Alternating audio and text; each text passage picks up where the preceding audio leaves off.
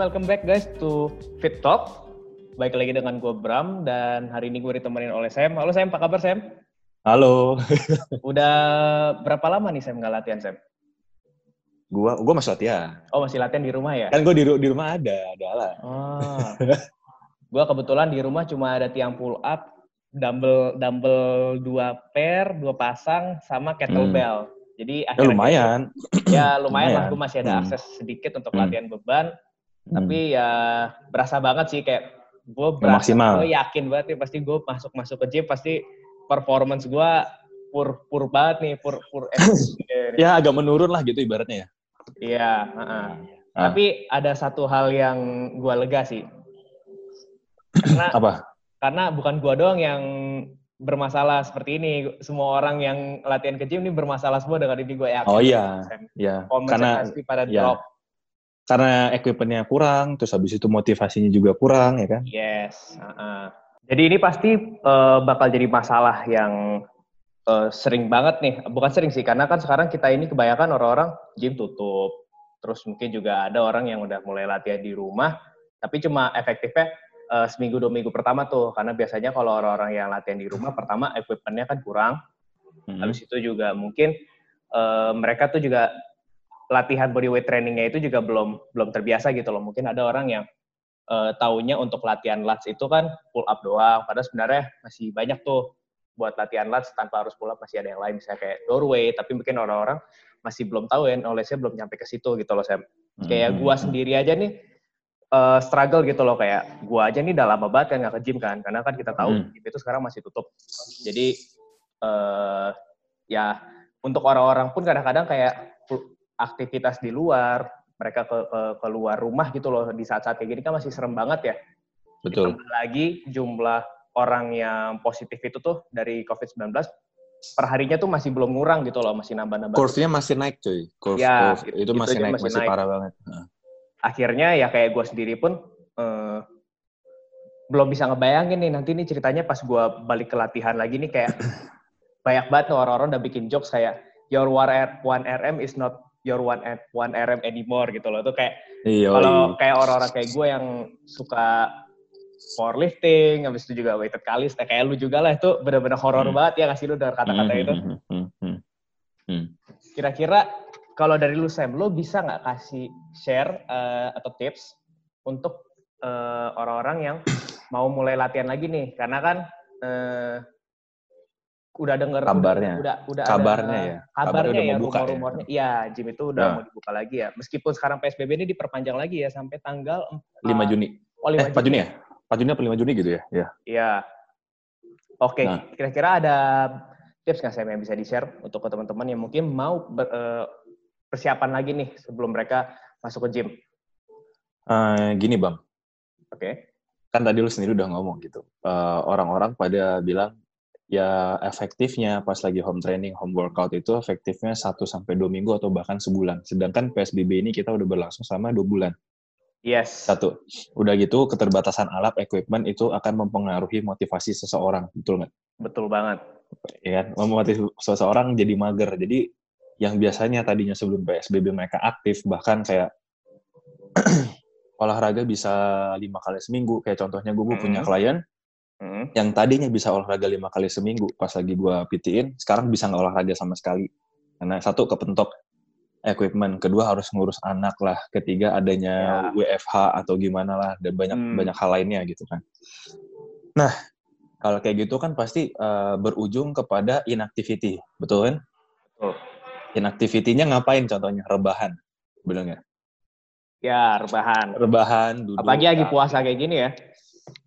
Betul, lagi puasa kayak gini banyak yang, ah udahlah males ah, mending gue tidur aja, gue bangun menjelang mendekati buka jam 3 atau nggak jam berapa, gue baru, baru, baru, baru bangun. Nah, yes. itu kan berarti lu kebanyakan tidur, lu kebanyakan nggak aktif. Kebanyakan aktif dan kebanyakan tidur atau rebahan bakalan berujung ke, uh, ibaratnya badan lu jadi kaku. Lu ngerasa nggak kalau kebanyakan tidur, kebanyakan uh, duduk itu pinggangnya pegel, terus pundak lu, lu punya pegel, yeah. apalagi mata mata lu belum tambah lagi silindernya gara-gara yeah. di depan layar. Nah, jadi semua itu uh, harus diperbaiki. Jadi yang pertama harus dilakukan bukan langsung wah gue harus nih bench press 100 kilo 20 reps atau mm -hmm. squat langsung empat uh, plate karena lu udah bisa squat empat plate justru bukan gitu yang pertama harus lu lakukan adalah uh, melakukan uh, exercise uh, untuk improve flexibility dan mobility lu sendiri gitu oh nice nice nice. Ya yeah, ya yeah. bener nggak? Jadi karena betul kan badan lu udah kaku badan lu kaku uh -huh. ibaratnya uh, apalagi yang paling cepat kaku itu pasti uh, lu punya ankle mobility. Biasanya kan lu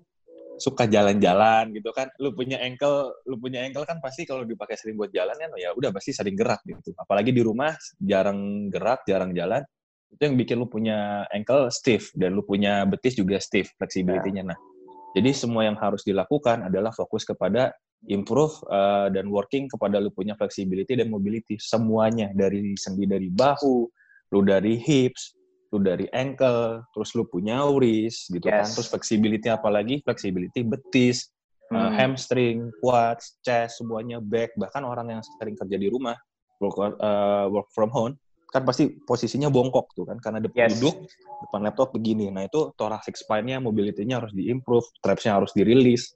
Contohnya kayak gitu. Yang pertama itu yang harus dilakukan. Iya, gue setuju banget sih dan related banget dengan masalah flexibility dan mobility yang lu sebut tadi ya sebagai poin. Ya, betul. Karena uh, eh, gue sendiri termasuk dulu ya sebelum PSBB. Gamers ya. ya, maksudnya sebelum, sebelum PSBB, sebelum gym tutup, yeah, yeah. gue yeah. tuh punya frekuensi latihan yang uh, tinggi lah dalam seminggu ah, betul. bisa, ah. bisa lima kali latihan ah. dan gue tuh terbiasa dengan latihan yang intensitasnya agak tinggi juga dengan frekuensi yang lumayan banyak dan hmm. tiba-tiba tuh pas PSBB mau nggak mau ya si intensitas dan frekuensinya itu bukan menghi bukan menghilang sih tapi menurun sih gue masih berusaha untuk latihan di rumah gitu kan hmm. tapi akhirnya eh, badan gue yang aktif tiba-tiba dipaksa da jadi dalam kondisi sedentary gitu loh hmm. akhirnya berasa tuh kayak eh, kok gue nggak pernah ngerasain nih yang kayak wrist gue tuh kok kaku apalagi hmm. ankle ankle gue ya hmm. tadi thank you banget hmm. lu udah sebutin supaya lu hmm. gue ya ankle gue parah. Gue ya. bukan mengejek karena gue juga merasakan cuy oh, karena gitu. gue nggak gue nggak speed gitu. grill ya kan. Itu bener-bener berasa banget kayak gue berapa hari berapa minggu lalu gue sempat ngelakuin uh, goblet squat itu pakai kettlebell. Hmm. Hmm. Kebetulan kettlebell di rumah gue itu adanya yang 20 kilo jadi uh, udah udah gue udah berapa minggu ngalatin aja tuh gue pakai kettlebell 20 kilo itu lu bener-bener berasa banget gitu loh. Gitu hmm. kayak pas gue squat kok uh, si ankle gue ini udah parah kok kayak makin parah gitu loh. Iya, makin kaku banget, makin stiff makin banget kaku. tuh. Mm -hmm. uh. Jadi si mobility dan flexibility ini benar-benar option yang harus mau nggak mau harus dilakuin gitu ya sebelum itu yang paling pertama paling pertama banget karena yes. kalau misalkan lu ibarat lu tadinya kan lu biasa lu squat berapa warnanya 185 ya yes 185 itu sebelum lu PSBB. Nah, setelah lu PSBB, lu kayak mikir, wah gue kan udah bisa 85 nih, gue langsung kuasa 85, ah nanti nggak akan bisa cuy. Yang ada lu akan injury gitu. Karena yes. semua body badan lu itu lu stiff. Kayak gitu. Terus mungkin yang kedua, apa bang? Tadi kan kita udah bahas tentang mobility, kita udah bahas tentang intensitas. Tadi lu juga barusan ngomong kan, intensitas ah. lu pas lagi latihan, pas sebelum PSBB bisa lima yes, kali yes, seminggu. Yes. Nah, apakah setelah PSBB ini kita harus lima kali seminggu? Tentunya tidak gitu kan kayak yes. gue bilang tadi lu punya apa capacity karena sedentary lu akan susah sekali buat working lima kali seminggu dalam uh, exercise intensitas yang berat jadi hmm. intensitasnya kita mau dari yang half half okay. maksudnya half dari yang sebelumnya hmm. gitu dari sebelumnya itu gimana ya contohnya misalkan lu bisa squat 185 kilo lu start dari 50% lu punya one RM gitu Oke, simpelnya bahkan berarti... 40 persen bahkan bahkan bisa sampai yang 30-40 persen yes. itu. Uh. Simpelnya itu berarti kayak uh, kita lakuin intensitas setengah dari uh, intensitas kita sebelumnya ya. Betul. Hmm. Karena kan di sini banyak nih teman-teman yang mungkin kurang ngerti nih apa sih maksudnya dari 50% atau 40%. Mm -hmm. Jadi uh, 50%, 30, pokoknya 50% itu berarti misalnya lu punya beban maksimal, lu ngangkat squat dengan beban satu repetisi maksimal itu, let's say 200 kilo, maka lu harus uh, lu harus ngelakuin exercise-nya itu nggak harus langsung 200 kilo sekali latihan. Berarti intensitasnya dikurangi ke 50% menjadi berapa? 100 kilo. 100 gitu kan. kilo. Mm-hmm. Bahkan uh, beberapa scientific studies yang gue pernah baca dan beberapa itu orang-orang tuh bilang 30% sampai 40% dari 1RM pun itu bakal improve lu punya 1RM. Lu pasti hmm. juga pernah lihat kan. Hmm. Ada ya kan. Nah, kita startnya bisa dari yang paling rendah pun juga nggak apa-apa gitu. Nah, hmm. kenapa startnya dari paling rendah? Ya udah, kita biasain lagi badan kita, sendi kita buat yes. kayak squat, kayak push up, kayak pull up, kayak gitu. Hmm. Jadi nggak langsung dar berat, nanti jadinya injury kan badannya kaku semua gitu. Yeah. Jadi biasa biasain lagi restart lah ibaratnya gitu. Hmm. Kayak lu punya kinetic kinetic awareness apa ya bahasa Indonesia-nya? Kayak lu punya ini deh. Uh, otak itu kayak punya muscle memory ibaratnya dibiasain dulu gitu lagi. Iya. Mulai ke kayak gitu, Bang. Hmm. Gue pernah baca juga, eh bukan sorry bukan baca, gue pernah dengar podcastnya si Squad University. ya uh, shout out to Dr. Aaron ya, yang yeah, Aaron Horsey University. Yes. Aaron nah, Horsey, di situ dia pernah menjelaskan kayak salah satu penyebabnya orang bisa tendonitis ya. Yeah. Dari gerakan-gerakan compound, contoh kayak squat, habis huh? itu bench press atau deadlift. Di sini kita let's hmm. pakai si squat lah.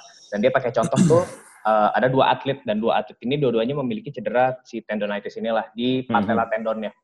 Oh di patella tendon tuh di patella dengkul ya? tendon. Ya? Di hmm. dengkul ya betul. Ya. Hmm. Nah jadi tuh benar sih yang tadi lu bilang Sam, karena sebenarnya ya dijelasin sama hmm. dia itu kalau patella tendon kita itu sebenarnya dia bisa nge-withstand beban 9 sampai 13 kali berat badan kita sendiri. Ya, ya, betul betul betul nah, ya. Gue pernah baca Dan juga. akhirnya muncul pertanyaan sama orang-orang, kenapa kalau ceritanya patella tendon kita bisa nge-withstand beban 9 sampai 13 kali berat badan kita, terus kenapa kok kita bisa cedera? Tendon kita bisa hmm. cedera, bisa tendonitis. Hmm. Nah, sebenarnya hmm. uh, dia tuh persis banget tadi dengan yang cara yang jelasin. Yang atlet pertama itu dia itu dia nggak pernah latihan dengan intensitas yang besar dan dengan frekuensi yang banyak gitu loh dalam seminggu. Terus tau-tau dia yeah. ngelihat ada flyer nih di gymnya kayak, oh ada kompetisi crossfit atau kompetisi powerlifting. Oke oke oke oke. Atau kompetisi yang lain-lainnya dan tiba-tiba tuh akhirnya dia kayak, uh semangat tuh, semangat tuh. Uh, it's a good uh. thing, semangat. Tapi uh. dia terlalu rush in dan yang tahu-tahu dia seminggu cuma bisa dua atau tiga kali latihan, tahu-tahu tuh pas minggu itu dia lompat langsung bener-bener satu minggu tujuh kali latihannya. Oh nggak bisa, betul. betul. Dengan dengan uh, splitnya itu yang juga jaraknya dekat gitu, misalnya kayak squat aja tuh dia mungkin bisa bisa tiga kali dalam seminggu. Akhirnya tahu-tahu mm -hmm. ya itulah terjadi sih tendonitisnya dia itu. Betul. Nah kalau yang kedua dia pakai uh, cedera karena squat juga, nah tapi hampir mirip-mirip dengan kasih kasus kasih atlet pertama, tapi bedanya dia ini let's say seorang juara di powerlifting. Setelah dia juara, terus dia vacation lah. Vacationnya ke Bali okay. Gitu ceritanya. Yeah. ke Bali lah. Satu minggu. Inilah, off lah, off lah gitu ya. oh, ya. Sebulan satu, gitu ya. Sebulan. Satu minggu bener-bener ngalatihan. Ini bahkan dibilangnya satu minggu loh. Satu minggu bener-bener pure ngalatihan. Hmm. Dan tiba-tiba pas dia balik lagi ke hometownnya dia, hmm. tiba-tiba dia langsung mulai dengan latihan intensitasnya tuh persis kayak waktu dia persiapan mau tanding. Ini kayak gue tau di orangnya siapa, Bondi Strength Coach bukan? Yes. Ya, tahu gue. Ya. Gue gue gue tahu dia. Ya, ya, betul. Terus, terus. Dia orang Aussie ya? Ya orang Aussie tahu gue. Ya. Nah di situ tuh dia bener-bener kok tiba-tiba bisa occurred nih si patella tendonnya padahal dia uh-huh. baru menang juara terus tau-tau kok uh. cedera gitu loh karena ya dalam waktu durasi satu minggu itu dia bener-bener nggak latihan gitu loh jadi yeah. badan tuh reset that's why hmm, tadi betul, gua nangkep banget dengan poin yang lu bilang intensitas latihan itu tuh nggak langsung boom langsung meledak gitu langsung uh the same intensity train harder. Kalau kata Greg Doucette zero moral. Zero. Oke lanjut yeah. Seth kira-kira okay. ada satu tips lagi nggak yang bisa di share oke okay, satu tips lagi ya exercise selection pilihan exercise-nya. Apakah harus kan kayak tadi dibilang seminggu lima kali kan sebelum PSBB seminggu lima kali berarti lu latihan bisa ibaratnya speed training kayak upper lower terus habis itu yes. latihan chest back shoulder arms leg quadricep hamstring dipisah nggak bisa gitu. Ya itu kenapa nggak bisa balik lagi. Kan tujuannya jangan intensitas yang tinggi tapi per part body semua badan itu full body training diutamakan. Kenapa full body training diutamakan? Balik lagi tujuannya adalah supaya membangun muscle memorinya. Badan kita jadi terbiasa lagi, baru nanti kita move on ke gerakan yang lebih ibaratnya split training lagi, upper lower, yeah. bro split, kayak chest shoulder back, kayak gitu-gitu. Nah, uh, caranya gimana? Caranya adalah dengan GPP. Hmm. Pernah dengar kan GPP bukan nggak pakai pemanasan, singkatan oh. dari nggak pakai pemanasan. Bukan ya? bukan. GPP itu singkatan dari General Physic uh, Preparedness. Yang di mana kalau di Indonesia kan adalah bagaimana cara tubuh kita buat adaptasi hmm. supaya nantinya kita bisa uh, latihan untuk lebih keras lagi gitu. Jadi badan kita ditempa, kayak ibaratnya gini, karena kita sebelum uh, latihan, ah sebelum kita latihan, badan kita kayak uh, galon aqua deh, galon aqua ya isinya 14 liter tuh. Mm -hmm. 14 liter itu sebelum kita PSBB tuh, kita bisa nampung air 14 liter.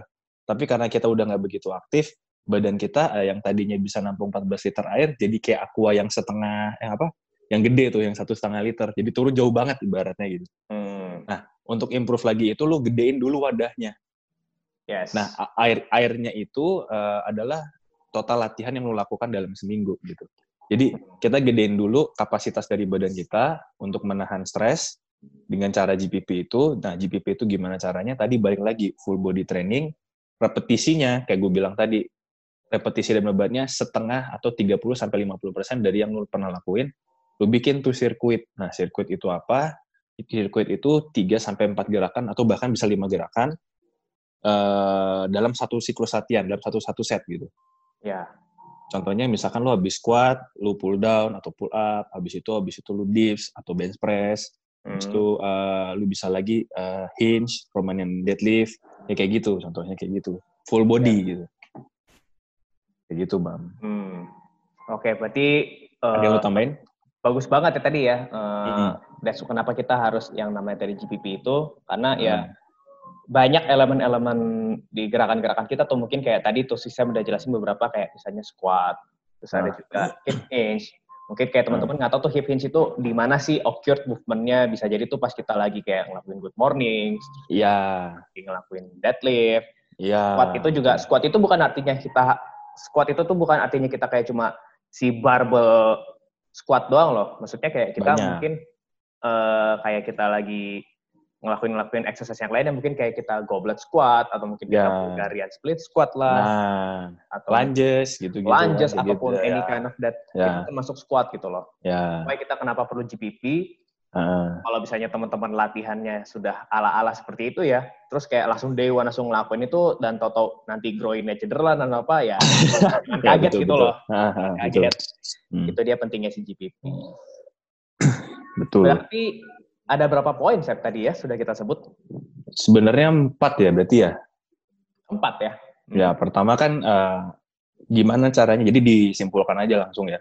Yes. Gimana caranya supaya kita bisa langsung latihan setelah PSBB panjang ini? Yang pertama itu tadi flexibility dan mobility itu sangat penting kan karena kita sudah tidak aktif, badan banyak yang kaku, kita harus flexibility mobility dulu sebelum kita memulai latihan yang berat. Yes. Terus yang Dan kedua, bahkan uh, ini Hah? di harus nomor satu ya di mobility dan flexibility ini. Itu nomor satu. Ya. Ini nomor satu. Uh, nggak ada opsi lain. Ini number one gitu loh. Bahkan yeah. sebelum kita ngomongin strength, sebelum kita ngomongin apa sih program latihan kita atau apa, nomor number one si nomor satu ini nih si mobility and flexibility yang benar-benar harus kita lakuin dahulu, ter, ya kita lakuin terlebih dahulu.